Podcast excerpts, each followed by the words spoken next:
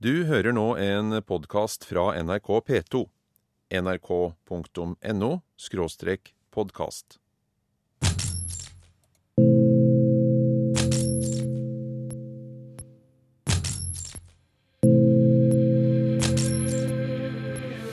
Man kan aldri vite når det bygger på anonyme kilder. og, og Journalister vil jo si at de har sin integritet i behold, og de vil aldri finne på å dikte og skrive ting som de ikke hadde fra en kilde. Det tar jeg med en klype salt.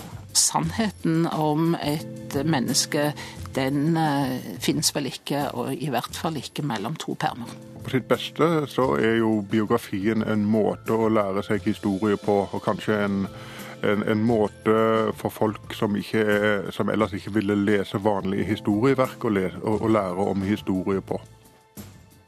Kurer, P2s mediemagasin. I dag tar Kurer opp biografien som fenomen. Hva er det som gjør at biografien ofte vekker stor oppmerksomhet? Hva er forskjellen på selvbiografien, den autoriserte og den uautoriserte?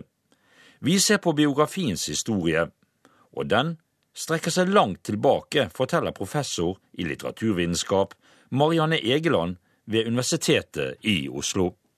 Ja, Linjene kan vi som eh, så ofte ellers trekke tilbake til antikken, faktisk så langt eh, tilbake eh, som ca. 500 år før Kristi fødsel.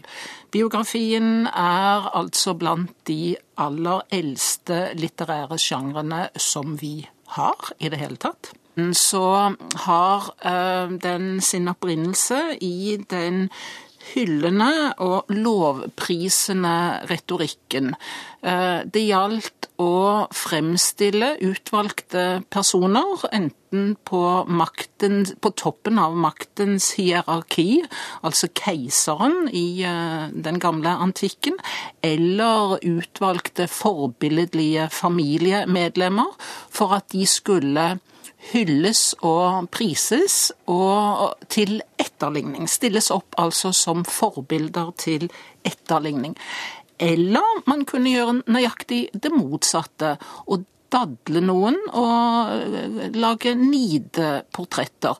Så da betyr jo det at dette var opprinnelig en svart-hvitt fremstilling. Og som historiske dokumenter, da blir de, de høyst, høyst uh, diskutable. Eh, når forandret dette seg? Når kunne man se at biografien hva skal vi si, ble en smule mer kritisk enn den lovsangen tidligere hadde vært? Og det er først langt opp i moderne tid. Eh, middelalderen var full av eh, helgenskildringer og uh, hagiografiske skildringer, og vi bruker fortsatt ordet hagiografi om mange biografier som utgis også i dag. Så det er et uh, spørsmål hvor man kan svare det kommer an på om biografiene er kildebelagte, om de er etterrettelige, og ikke minst om de er etterprøvbare for eh, leserne og for anmelderne. Og for at de skal kunne være etterprøvbare, må kilder og referanser og dokumentene man har basert fremstillingen på, legges frem slik at de kan kontrolleres. I dag ble den uautoriserte biografien om olje- og energiminister Ola Borten Moe gitt ut. Boka med tittelen 'Portrett av en playboy' får hard medfart for ikke å ha ei eneste navngitt kjelde. Vi skal videre i sendingen og snakke om en av landets mektigste og mest kontroversielle politikere. I morgen kommer den uautoriserte biografien om ham, som tar sikte på å forklare hvorfor han etter å ha nådd toppen nå ønsker å trekke seg ut av politikken. Ola Borten Moe ville ikke kommentere denne saken i eh, Dagsrevyen. Men det vil eh, selvfølgelig forfatteren. Elisabeth Skarsbø Moen, eh, velkommen hit. Hva var det ved ham som fascinerte deg så mye at du ville skrive bok om ham? Et lite utdrag av de mange medieoppslagene omkring en uautorisert biografi som nylig kom ut om en av våre sentrale politikere, Ola Borten Moe. Hva er det så som gjør at denne typen biografier ofte blir så omtalt? Til det er årsakene flere, mener professor i sammenlignende politikk ved Universitetet i Bergen, Frank Aarebot. Nei, det gjelder jo selvfølgelig eh, sånne, særlig sånne uautoriserte biografier som det her er snakk om. Eh, som forteller litt om, eh, om, ting du ikke visste. Så pirrer det menneskenes nysgjerrighet, naturligvis. Og noe av det som står der er jo sikkert riktig, og annet er galt. Men den historiske kildeverdien til disse biografiene er jo begrenset. Men det er jo mye mer å tolke i retning av at det er dokumenter som har en effekt i samtiden. Altså, det er jo ikke tilfeldig at denne biografien utgis liksom dagen før Senterpartiets landsmøte. I, I, moderne tid så er jo vi veldig avhengig av biografien for å få innsikt i bakspillet i politikken. Og det er jo da to typer biografier. Det er jo da, eh, eller tre typer. Du har selvbiografien. Du har eh, den autoriserte biografien som i praksis er en selvbiografi skrevet av en, en, en ghostwriter, ikke sant? en sånn skyggeskriver. Eller, og du har den uautoriserte biografien som er blitt til mot uh, intervjuobjektets vilje. Eller uten, uten intervjuobjektet eller objektets samarbeid. Alle de har jo sine svakheter når det gjelder kildeverdi. Eh, I selvbiografien så er det jo klart at politikeren kanskje ønsker å skjønnmale sin egen innsikt. Og det gjelder jo også i noen grad i den autoriserte biografien. Selv om der vil jo avhengig av hvor profesjonell forfatteren er, så vil jo forfatteren kunne forlange en viss grad av uavhengighet av intervjuobjektet osv. Eh, når det gjelder den uautoriserte biografien, så er vel den ofte motivert av nettopp å få frem ting som eh, objektet, altså den biografien handler om, ikke ønsker skal komme frem. Og det kan jo ofte kanskje overdrive negative aspekter. Men uansett så vil ikke slike biografier være Eh, være, eh, ha, ha, en så veldig høy kildeverdi. Fordi at det de, de er interesser i både å svartmale og hvitmale eh, en politikers bakgrunn, avhengig av hvilken type biografi du har. Men når kom så den innsiktsfulle og kritiske biografien? Det er ikke lenge siden, sier professor i litteraturhistorie Marianne Egeland, som har studert fenomenet. Da jeg kom med min bok om biografien, med kanskje den talende tittelen 'Hvem bestemmer over livet?', og den kom ut i 2000, var det nokså alminnelig at biografier hadde en ytterst kort eh, kildeliste, og at de lignet til forveksling, i hvert fall de mer populære eh, biografiene, at de lignet til forveksling på uh, historiske og dokumentariske romaner. Så det er, vil jeg påstå, først i de senere 10-15 årene at uh, det har blitt stilt mye strengere krav til etterretteligheten.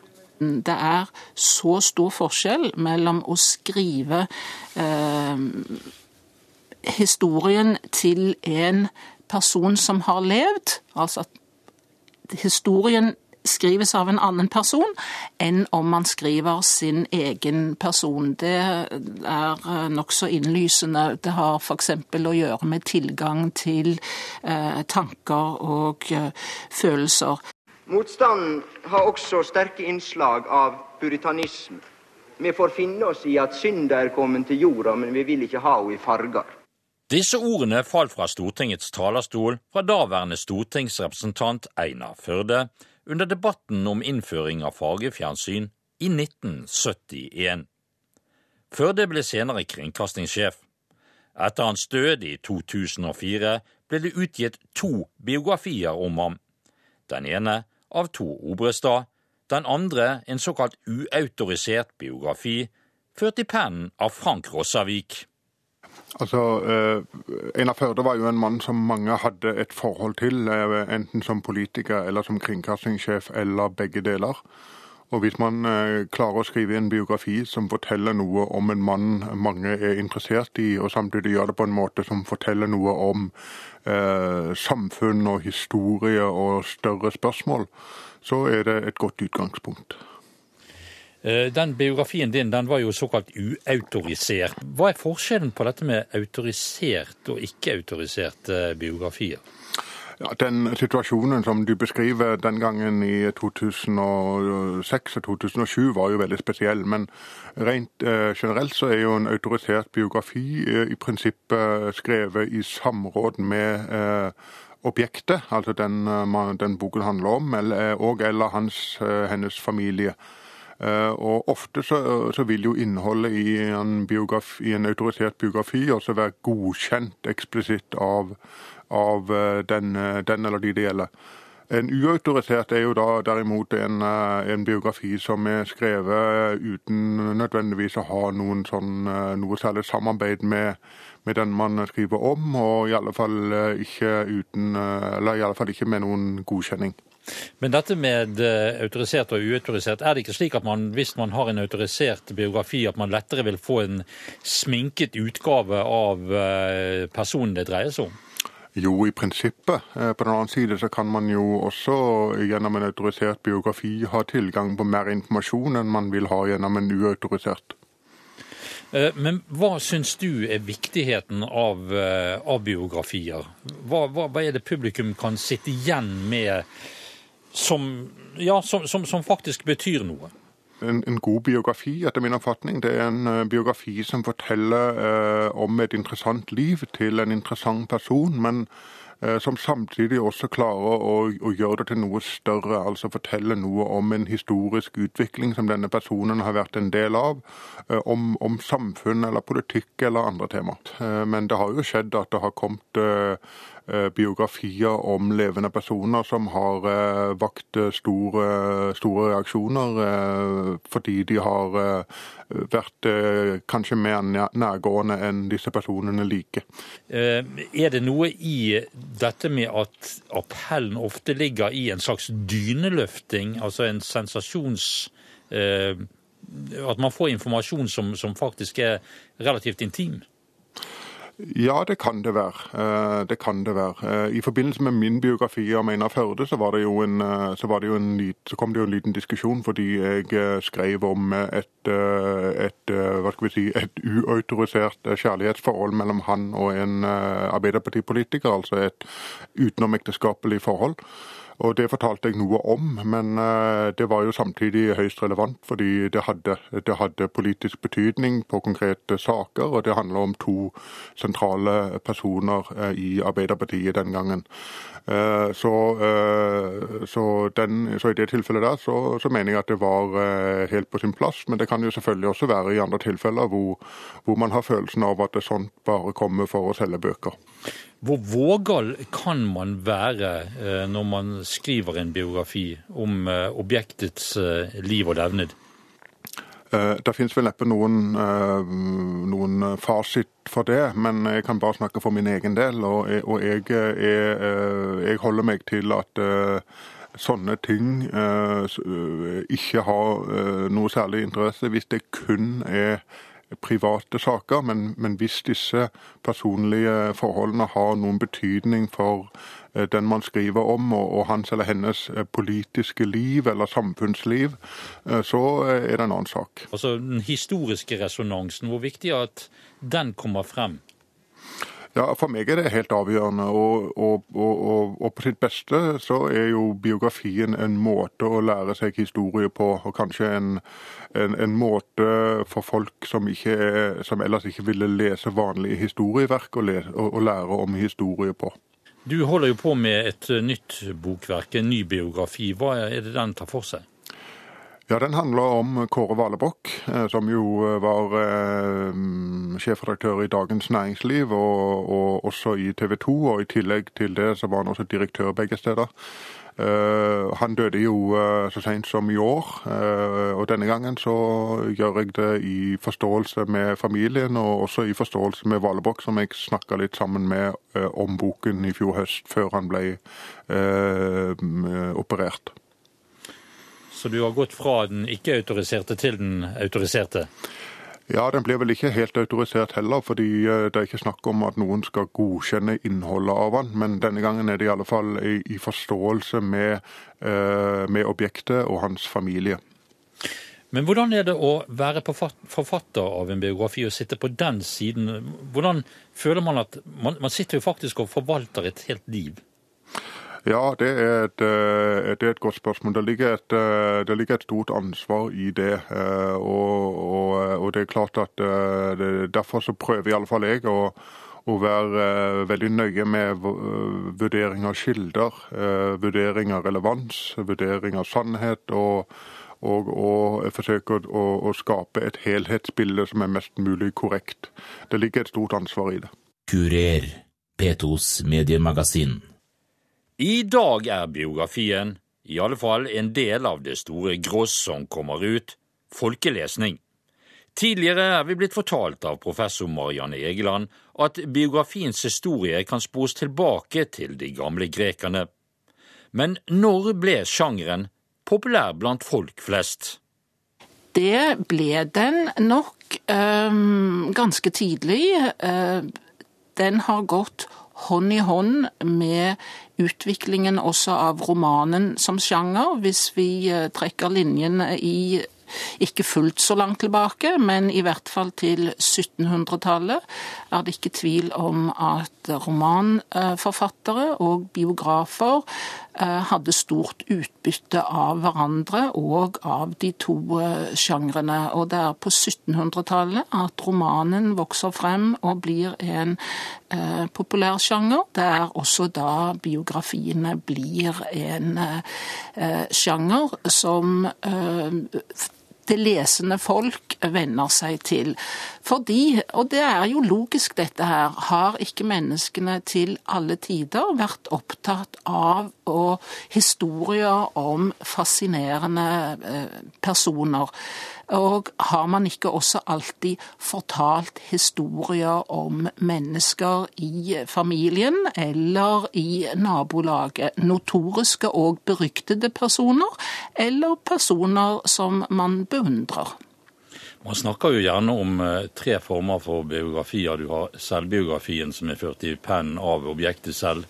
Du har den autoriserte, eh, der man har et samarbeid mellom familie-personen det gjelder, og en ghostwriter. Og så har du da den uautoriserte biografien. Eh, jeg ser at eh, særlig mediene er veldig opptatt av skillet mellom autoriserte og ikke-autoriserte biografier. Jeg er ikke selv spesielt opptatt av det, men vi kan godt eh, forklarer da den autoriserte biografien eh, på følgende måte. Den biograferte selv eller familien eller en bobestyrer har da valgt ut en bestemt person til å forestå en bestilt eh, livsskildring, og da som regel med eksklusiv rett til private arkiver og løfte om annen bistand. Den ikke-autoriserte biografien skrives på biografens eget initiativ eller på oppdrag fra et forlag. Men de aller fleste eh, biografiene er jo i og for seg ikke autoriserte, all den stund at de skriver, skrives om for lengst avdøde personer. Og jeg har jo vært opptatt av å få frem at biografier også er eh, stykker med litteratur. De er, jeg har studert dem som estetiske objekter. Jeg har vært opptatt av virkemidler som biografene benytter seg av for å få frem sin historie og overbevise leseren om at den historien som legges frem, er troverdig. Jeg betrakter biografier som eh, retoriske tekster. Og det var faktisk eh, ganske uvanlig da boken min kom, fordi biografier blir først og fremst, eller ble i hvert fall først og fremst, lest som sanne historier fra virkeligheten. Man var veldig lite opptatt av, og det gjaldt også anmeldere, av hvordan historien ble fremstilt, men man var innrettet mot hvordan hva slags liv det hadde vært om det var spennende, om eh, historiene og anekdotene var eh, tankevekkende. Man levde seg inn i dette livet man fikk tilgang til. Men altså ikke var man opptatt av hvordan eh, livet ble fremstilt, hvilke deler av det som ble valgt ut, hvilke deler ble lagt i skyggen, hvem eh, var med, og hvem var eh, ikke med. Eh, hva kan man si om en bok som Bibelen f.eks., blir det innbefattet av begrepet biografi? Deler av det vil eh, kunne i hvert fall ha biografiske trekk. Og man eh, peker gjerne på evangeliene som en slags livsskildringer. Eh, tidlige livsskildringer.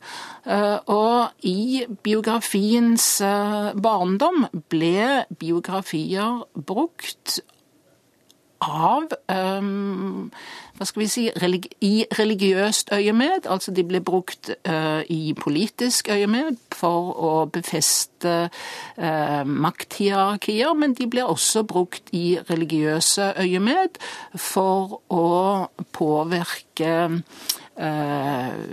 tilhengerne og fortelle mirakelhistorier om egne profeter eller man fortalte motsatte historier om konkurrerende religioner.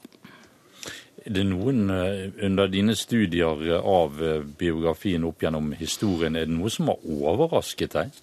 Det har jo overrasket meg at um, grunnen går uh, tro, Troen på de sanne historiene er da går hånd i hånd med uh, skryt og løgn. Fordi der ligger biografiens kjerne, eller i hvert fall biografiens arv. som jeg nevnte var biografien opprinnelig enten hyldningsportretter eller de var nidportretter. Og da må enten det positive i et liv overdrives, eller motsatt det negative overdrives. Og eh, alt eh, tidlig og i eh, middelalderen var, så man ganske stort på det. Man, det det dreide seg først og fremst å få frem en form for høyere sannhet. Og hvis man ikke, eh, de som skrev helgenhistoriene, hvis de ikke hadde detaljkunnskap om helgenenes liv, så kunne de bare henvende seg opp og oppover og dikte litt. For det viktigste var å få frem det som kunne være sant, ikke sannheten i seg selv. Hvordan reagerer de som mot sin vilje blir biografert? I 2006 kom den uautoriserte biografien Historien om Carl I. Hagen ut. Det falt ikke i smak. Det føles ikke noe godt i det hele tatt. Eh, men føler man at man er fritt vilt, rett og slett? Ja, absolutt fritt vilt, og det er, har Ola Borten Moe også nå opplevet. Jeg ønsker ikke å lage noen hindringer i veien for de som vil eh, gjøre det. Oppegående lesere vet at eh, når jeg skriver en bok, så er det la oss si, litt skjønnmaling, og det er det jeg ønsker skal komme frem som kommer. Det vet de. Og når det er en la oss si, fiendtlig innstilt journalist som skriver, de, skriver en bok, så vet de at dette er ikke skrevet av en som er objektiv eller noe sånt, men sannsynligvis også ganske subjektiv. De alle, alle vil vite at uh, det er alltid et spørsmålstegn ved korrektheten av det som skrives. Og, og, og, og de som er, som Ola Borten Moe og, også meg, uh, har vært uh, i, i stormvind i politikken, vi må finne oss i det og akseptere det. Vi bør ikke like det, men jeg aksepterer jo fullt ut at noen driver og graver og undersøker og skriver, og det må man finne seg i. Man kan aldri vite når det bygger på anonyme kilder. og, og Journalister vil jo si at de har sin integritet i behold, og de vil aldri finne på å dikte og skrive ting som de ikke hadde fra en kilde. Det tar jeg med en klype salt. Det samme gjelder jo også biografier man skriver selv. Så sannheten blir vel eh, ofte at man får forske på forskjellige levende kilder, og får levende kilder til å stå frem hvis det er noen tvilstilfeller. Men man vil jo aldri i ettertid kunne få nøyaktig vite beveggrunnene til hvorfor mennesker handlet slik som de gjorde for 20-30 år siden. Vi må bare akseptere at man får aldri vite nøyaktig sannheten. Eh, men biografier lærer jo mye mer om det som skjedde la oss si, for 10-20-30 år siden, enn det man visste på forhånd. For det kommer jo nye elementer og nye synspunkter i alle biografier, enten de er skrevet av en selv, eller autorisert eller uautorisert. Så det er jo summen av alt mulig rart som blir dannet grunnlaget for de som interesserer seg for problemstillinger alle interessante mennesker har vært ute i tøft vær.